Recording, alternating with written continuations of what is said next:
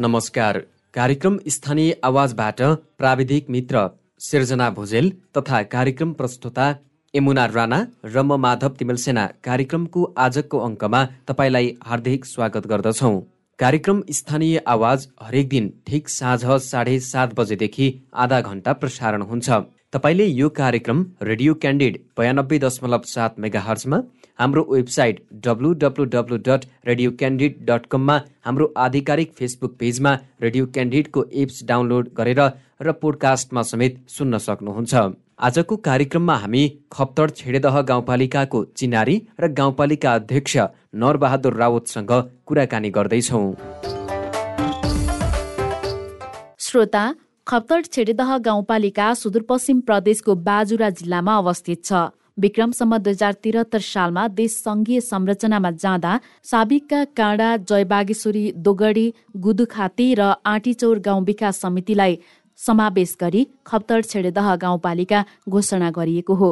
यस गाउँपालिकालाई सातवटा ओडामा विभाजन गरिएको छ। गाउँपालिकाको कुल क्षेत्रफल एक सय पैँतिस दशमलव शून्य आठ वर्ग किलोमिटर रहेको छ। यस गाउँपालिकाको सिमानामा पूर्वमा बडीमालिका नगरपालिका पश्चिममा बझाङ जिल्ला उत्तरमा गौमूल गाउँपालिका तथा दक्षिणमा बुढीनन्दा नगरपालिका र अछाम जिल्ला रहेका छन्। धार्मिक तथा पर्यटकीय क्षेत्र खप्तड राष्ट्रिय निकुञ्ज र छेडेदह ताल यसै गाउँपालिकामा पर्दछ। सुरुमा यस गाउँपालिकालाई छेदेदह गाउँपालिका भनेर नामाकरण गरिएको भए पनि पछि आएर यस गाउँपालिकाको नाम परिवर्तन गरी खप्तर छेडेदह गाउँपालिका राखिएको हो। यतिखेर हामीसँग कुराकानीका लागि यसै गाउँपालिकाका अध्यक्ष नरबहादुर रावत जोडिनु भएको छ। उहाँलाई हामीले तपाईँको कार्यकालमा यस स्थानीय तहले पाएको सबैभन्दा महत्वपूर्ण उपलब्धि के हो भनेर सोधेका छौँ। सबैभन्दा पहिला अब यो चाहिँ भ्रष्टाचारलाई एकदमै शून्य पार्ने कोसिस गरेको छ।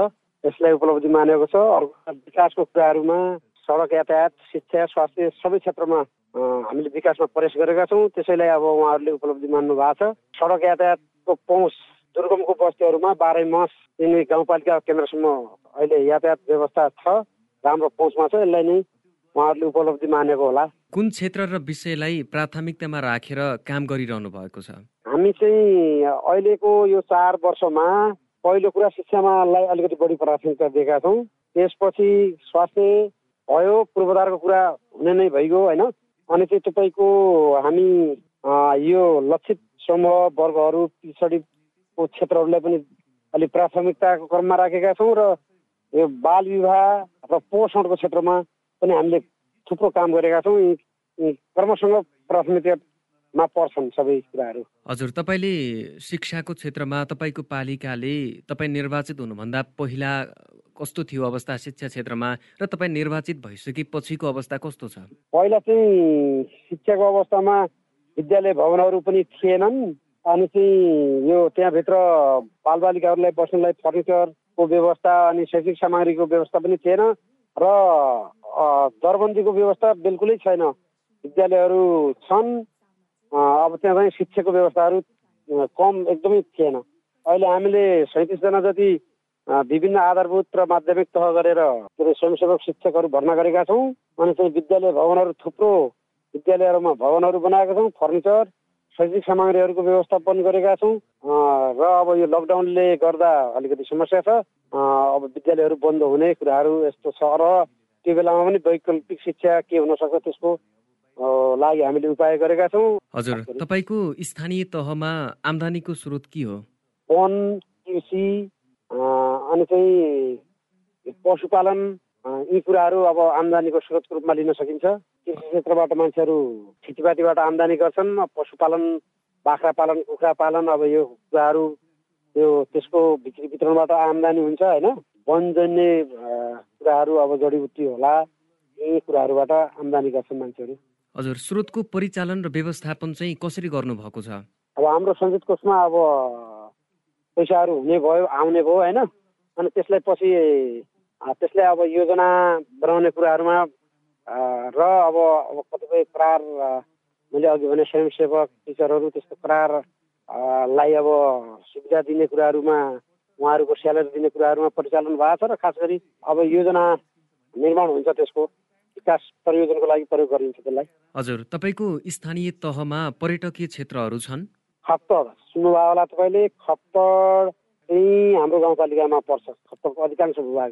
यो त बाजुरा बजाङ असम डोटी गरेर पाँच जिल्लाको एरिया हो तर पनि त्यहाँको महत्त्वपूर्ण धार्मिक पर्यटकीय स्थल र त्यहाँको राष्ट्रिय निकुञ्ज चाहिँ हाम्रो गाउँपालिकामा पर्छ। त्यसैले हाम्रो गाउँपालिकाको नाम पनि छेडेर छ। अनि त्यसैबाट खप्तरबाट रारा जानको लागि पर्यटकहरू त्यो खप्तरबाट हाम्रो गाउँपालिकाको बाटो चाहिँ छेडेर हेर्दै त्यहाँबाट चाहिँ रारा जाने गर्छन्।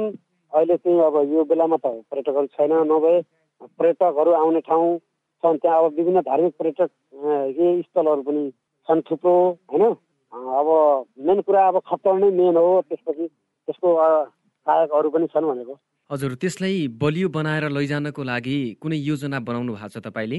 अब योजना त पर्यटकको लागि थुप्रै के अरे बुकलेट ब्रोसरहरू प्रकाशनदेखि लिएर अब यसलाई त्यहाँ आवास बाटोको हामी त्यसलाई विकास गर्ने के प्लान चाहिँ छ होइन? अहिले पर्यटनको अवस्था चाहिँ एकदम धराशय भएको यो कोरोनाको कारणले अहिले पर्यटकहरूको शून्य जस्तै भएको भएर त्यसलाई अब योजना मात्रै बन्ने भयो। योजना त्यसलाई पर्यटकहरू भित्राउने आन्तरिक पर्यटक बाह्य पर्यटकहरूलाई अब चाहिँ यहाँ भित्राएर त्यसको पर्यटन विकासमा जोड गर्ने भन्दा भन्दै पनि अब यो विविध कारणले अहिले चाहिँ पर्यटक शून्य जस्तै अवस्था भयो भएर अहिले चाहिँ त्यो योजना योजनामा मात्रै सीमित भएको छ।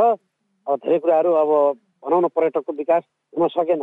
पर्यटन सम्बन्धीमा अलिकति त्यो कुराहरू गाह्रो भयो कोरोनाले गर्दा। अनि केन्द्र र प्रदेश सरकारसँग सम्बन्ध र सहयोगको अवस्था के छ? सम्बन्ध त अब हुनु नै भयो होइन? प्रदेश सरकारसँग पनि समन्वय सहकार्य अब कतिपय साझा अधिकारको कुराहरू छ होइन? त्यस्तै अब केन्द्रीय सरकारसँग पनि समन्वय सरोकार त हुने नै भयो। अब हाम्रो त झन् स्थानीय तह भनेको अब दुर्गमको स्थानीय तह हो। अनि सङ्घीय सरकारको अनुदानबाट नै अब हामी त्यहाँ गर्ने सबै विकास निर्माणदेखि सबै कुराहरू सङ्घको प्रदेशको अनुदानहरूबाट त्यहाँबाट आएको विभिन्न रूपको अनुदानबाट गर्नुपर्ने भएकोले अब हामीले समन्वय गर्नैपर्छ अब सहयोगको कुरा पनि सहयोग चाहिँ भएकै हो भन्नुपर्छ। अहिले सहयोग चाहिँ भइरहेछ। त्यो भएको छैन भन्ने कुराहरू नै हुँदैन। अब खेर त्यहाँनिर अब थोरै भयो कि धेरै भयो भन्ने कुरा एउटा चाहिँ तपाईँले प्रश्न गर्न सक्नु हुने कुरा हो होइन? हजुर। अब हाम्रो क्षेत्र नै दुर्गम टाढा भएको हुनाले अब त्यहाँ विकास निर्माणमा लाग्ने लागत भारहरू होइन? अब सुगम क्षेत्रको अब यो तराईको जिल्लाको भन्दा पनि अलिकति बढी नै लागत भारले अलिकति समस्या ल्याउँछ। त्यसो भएको हुनाले अब त्यो हामीलाई प्राप्त भएको सहयोगले कतिको उपलब्धि भयो भन्ने कुराहरू एउटा मापन गर्नुपर्छ उपलब्धि चाहिँ भएकै हो। तर अब जनसङ्ख्याको हिसाबले अब दुर्गम बस्तीहरूमा मान्छेहरू धेरै बस्दैन जनसङ्ख्याको हिसाबले अनुदानहरू आउने हो होइन? भूगोलको हिसाबले अब आउने हो। अब त्यसो भएको हुनाले हामीमा आउने अनुदान अलिकति कम नै आउँछ। हजुर खप्तर छेडीदह गाउँपालिकामा विकास निर्माणतर्फ के के कामहरू भएका छन्? सडकहरू अब सबै वडाहरूमा टोलहरूमा पुगिसकेका छन् विकास निर्माणमा। अनि प्रशासनिक भवनहरू बन्ने क्रममा छन् बनिसकेका छन् होइन? खानेपानीको कुराहरू पनि बस्ती बस्तीहरूमा सबै ठाउँमा पुगिसकेका छ। खानेपानीको पहुँच पनि मान्छे बिजुली बत्ती पनि अब लघु जलविद्युत परियोजना वा मार्फत सबै बस्तीहरूमा बिजुली बत्ती पनि छ। अहिले राष्ट्रिय प्रसारण लाइन पनि जोडिरहेको अवस्था छ। स्वास्थ्यको क्षेत्रमा पनि प्राथमिक स्वास्थ्य केन्द्र सबै ठाउँमा छन्। अस्पताल चाहिँ नै अहिले बन्ने अवस्थामा छ दस हजारको अस्पताल बनिरहेको छ होइन? त्यो पुरा भइसकेको स्थिति छैन। अरू स्वास्थ्य चौकीहरू प्राथमिक स्वास्थ्य केन्द्रहरू अनि तपाईँको बर्थी सेन्टरहरू यो स्वास्थ्य क्षेत्रमा पनि काम भइरहेछ शिक्षा क्षेत्रमा भयो।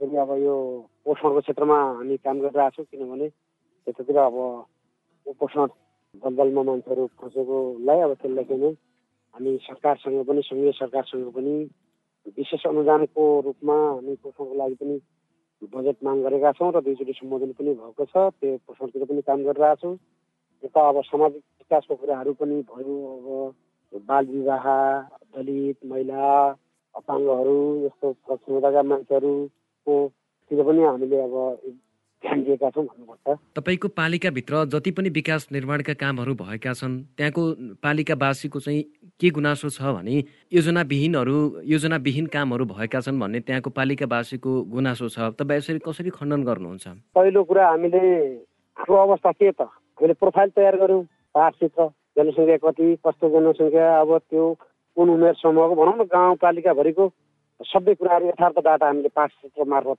हामीले पत्ता लगायौँ। लगत्तै हामीले अनि चाहिँ नि पञ्चवर्षीय गुरु योजना एक खालको प्लान बनायौँ। अनि त्यो योजनाभित्र छिरेर हामी सबै कामहरू गरिरहेको छौँ। अब त्यो योजनादेखि भयो भनेर त भन्न मिलेन नि भनेको। हजुर अनि तपाईँहरू चाहिँ राजनैतिक व्यक्तित्व होइन राजनैतिक आस्था र पहुँचको भरमा पनि कामहरू भएका छन् कि समान रूपमा विकास बाँडिदिनु भएको छ? अब त्यो कुरा त तपाईँले जनतालाई सोध्नु पऱ्यो नि त। तपाईँले जो अब जनता गुनासो भनेर तपाईँले मलाई पहिलो क्वेसन गर्नुभयो। होइन? हजुर। अब दोस्रो क्वेसनमा अब तपाईँले त्यो जनतालाई सोध्नु पऱ्यो समान रूपले भयो कि समानुपातिक रूपले भयो कि होइन तपाईँ हुनै पर्ने ठाउँमा भयो कि के भएको छ भनेर एकचोटि जनता कहाँ पनि तपाईँले पुग्नु पर्यो। हजुर। हाम्रो गाउँपालिका भनेको विभिन्न अब दुई दल भनौँ न विशेष गरी नेपालका दुईवटा राजनीतिक दलबाट निर्वाचित भएका जनप्रतिनिधि हुनुहुन्छ। कतिपय ठाउँमा सुन्नमा आउँछ विवाद भयो काहीँ सभा स्थगित भयो काहीँ त्यहाँनिर तालाबन्दी भयो काहीँ कति केही भयो भन्ने समाचारमा सुन्न आउँछ। हाम्रो पालिकामा त अहिलेसम्म त्यस्तो केही पनि भएको छैन। सबै पक्षका सबै दलका सबै क्षेत्र सबै सबै मिलाएर हामीले सामानुपातिक रूपले विकास गरेका छौँ भन्ने हामीलाई लागेको छ। र अर्को दलबाट सबै दलबाट निर्वाचित जनप्रतिनिधि हामी एक ठाउँमा छौँ। हामी निर्वाचित जनप्रतिनिधि भनेको स्थानीय तहको सत्तापक्ष हो र अरू सबै बाहिरको जनता भनेको प्रतिपक्ष जस्तै हो। उहाँहरूको जनता कुरा सुन्ने उहाँहरूले के भन्यो आवश्यकता कहाँ हो आवश्यकताको पहिचान गर्ने सही कुरा के हो त्यो कुराहरूको विश्लेषण गरेर हामी समानुपातिक विकास गरेका छौँ भन्ने हामीले बुझेका छौँ। फेरि पनि अब काहीँ कतै जनताबाट त्यस्तो कुरा तपाईँ कहाँ आएको छ भने एकचोटि जनतालाई सोधेर समानुपातिक रूपले भएको छ कि? अथवा दलको कुराहरू राजनीतिक स्वार्थ छ? राजनीतिक स्वार्थभन्दा त्यहाँको जनप्रतिनिधिहरू अथवा त्यहाँको स्थानीय सरकार माथि उठ्यो कि उठेन भन्ने कुराहरू यसरी तपाईँले हामीले समानुपातिक रूपले विकास गरेका छौँ भन्ने लागेको छ जहाँ आवश्यकता छ जहाँ समस्या छ क्षेत्र एक भूगोल सबै जनसङ्ख्या सबै कुराहरू हेरेर होइन अथवा हिजोको दिनमा पनि विकासको काम कहाँ अलिकति पछाडि परेको अथवा पारिएको छ होइन इन्डिकेटरहरूलाई त्यहाँका टार्गेट गरेर हामी समानुपातिक रूपले सबैलाई सबैको साथ लिएर होइन सबैको साथ लिएर सबैको विकास गर्ने पक्षमा उभिएका र त्यही गरिरहेको हो। अनि बजेटको अवस्था र परिचालन कस्तो छ? बजेटको अवस्था त अब सङ्घीय सरकारबाट हामीलाई समानीकरण अनुदान होइन? हजुर। विशेष अनुदान सम्पूरक अनुदान भनेर आउँछ सशस्त्र अनुदान भनेर आउँछ चार किसिमको तरिकाले। होइन मैले तपाईँले चारवटा पोइन्ट भनिसकेँ।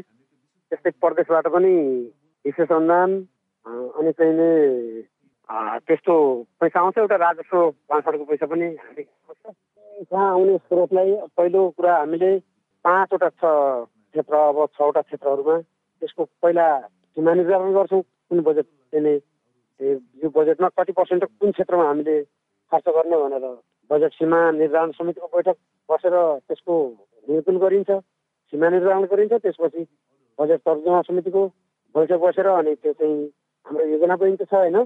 हजुर। अनि त्यसमा अब सबै क्षेत्रका योजनाहरूमा कहाँ कहाँ प्राथमिकतामा पर्यो टोल टोल स्तरबाट? पहिला बस्ती स्तरबाट अनि त्यसपछि वडा स्तरबाट हुँदै अनि चाहिँ हाम्रो यी सबै चरणहरू पार गरेपछि गाउँसभाले बजेट बजेट ठ्याक्क स्वीकृति गर्छ र अब त्यसै गरिकन हामी गाउँसभाले तोकिसकेपछि त्यो बजेट पास गरिसकेपछि त्यसरी खर्च गर्छौँ र विकासको कुराहरूमा त्यसरी प्रक्रिया ढङ्गबाट हामी अगाडि बढ्छौँ भन्ने हो।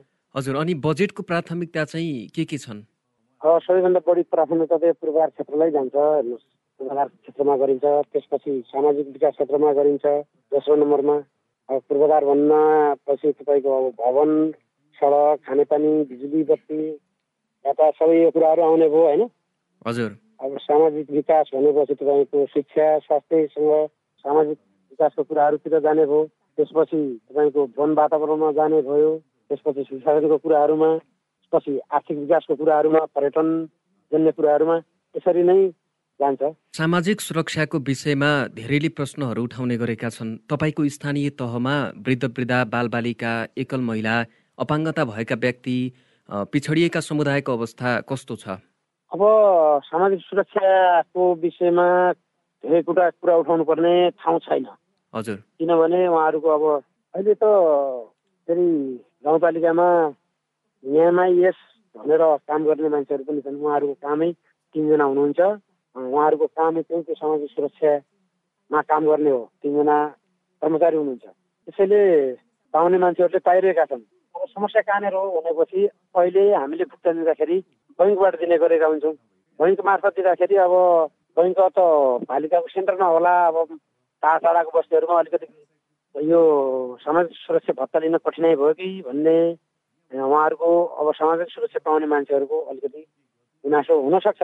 तर पनि हामीले त्यसलाई गुनासो गर्नको लागि के गरेका छौँ भने सक्ने मान्छे जति अब पालिकाको सेन्टरमा बैङ्कमा आएर चाहिँ सामाजिक सुरक्षा भत्ता लैजानुहोस् होइन? हजुर। अब नसक्ने मान्छे भने हामीले बैङ्कसँग सहकार्य गरेर कोर्डिनेसन गरेर अब बैङ्कको मान्छे कर्मचारीहरू वृद्ध वृद्ध अपाङ्गहरू त त्यहाँ आउन सक्ने कुरो भएन होइन? हजुर। त्यसैले उहाँहरूको घर घरमा गएर घर घरमा गएर वितरण गर्ने व्यवस्था पनि मिलाएका छौँ। अब सबैलाई घर घरमा गएर वितरण गर्ने हो भने बैङ्कको अरू कामै हुँदैन। वर्षभरिमा सामाजिक सुरक्षा भत्ता वितरण गर्न पनि अलिकति कठिनाइ हुने स्थिति हुन्छ। अब सक्ने जति भनौँ न अब बैङ्कमा आएर बुझ्नु भएको छ र अब सक्दै नसक्ने अथवा टाढाको वाडामा बैङ्कबाट मान्छेहरू पठाएर त्यतै घर घरमै पनि वितरण गर्ने व्यवस्था मिलाएका छौँ। त्यसैले धेरै गुनासो उहाँहरूको नहोला यो त देशभरिको समस्या पनि हो। पछिल्लो समयमा बैङ्क मार्फत उहाँहरूको खाता मार्फत हामी चाहिँ त्यो भुक्तानी गर्ने कुराहरू छ। अब त्यसैले यसलाई सत्य जति सहज कसरी हुनसक्छ व्यवस्थित कसरी हुनसक्छ भन्ने चिन्ता चासो हाम्रो पनि हो र त्यसमा हामी पनि लागिरहेछौँ बैङ्कले पनि चाहिँ यो कुरामा हाम्रो सहयोग पनि गरिरहेछ हामीले पनि बैङ्कको सहयोग गरिरहेछौँ हामी मिलेर सहकार्य गरेर चाहिँ अहिले यसलाई पनि सजिलो हुने बनाएका नै छौँ। हजुर अनि तपाईँको पालिकामा विद्यालय शिक्षाको अवस्था चाहिँ कस्तो छ? शिक्षाको अवस्था त अब यो कोभिडले गर्दा अब यस्तै छ भनेर अब के भन्ने विद्यालय पढाइ हुने बन्द हुने स्थिति छ। तर पनि गत साल हामीले हाम्रो शिक्षालाई नै विद्यालय खोल्ने बन्द गर्ने के गर्ने भन्ने अधिकार दिइसकेपछि हामीले त साउनबाटै विद्यालयहरू सञ्चालन गरेर द्रुत गतिले अब अध्ययन अध्यापन अगाडि बढाएका छौँ। अब शिक्षाको क्षेत्रमा धेरै कुराहरू विचार गर्नु अझै पनि आवश्यकता छ। हाम्रो प्रयास छ जस्तो अब सहर बजारको जस्तो राम्रो तरिकाले अब दुर्गम क्षेत्रमा कतिपय ठाउँमा विशेष टिचरहरूको अभाव होला कति मैले अघि नै भने दरबन्दीको अभाव थियो। अब हामीले स्वयंसेवक टिचरहरूको व्यवस्थापन गरेका छौँ। अब कम प्राय पारिश्रमिकमा भनौँ न त्यहाँ काम गर्नुपर्ने हुन्छ। अब भने जति जति अहिले गुणस्तरीय शिक्षा दिनुपर्छ भन्ने मान्यता हो त्यति चाहिँ विभिन्न अभावले हामीले सोचे जति हुन नसक्यो होला। तर पनि कुरो के हो भने त्यसमा कुनै पनि हाम्रो स्थानीय तहको तर्फबाट कुनै पनि कमी कमजोरी हुन दिनुहुन्न भन्ने कुरामा हामी सचेत छौँ लागिरहेछौँ र अब त्यो चाहिँ अब यो कोभिड कम भएपछि बिस्तारै सबै कुराहरू व्यवस्थापन भएपछि यो विद्यालयको अब शिक्षा कुराहरू त्यसलाई सजिलो तरिकाबाट अब राम क्षेत्रमा पुर्याउनु पर्छ र अब यो गुणस्तरीय शिक्षा दिनुपर्छ। अध्ययन अध्यापनलाई अलिकति अझ व्यवस्थित र सुधार गर्नुपर्छ भन्ने पक्षमा छौँ हामी।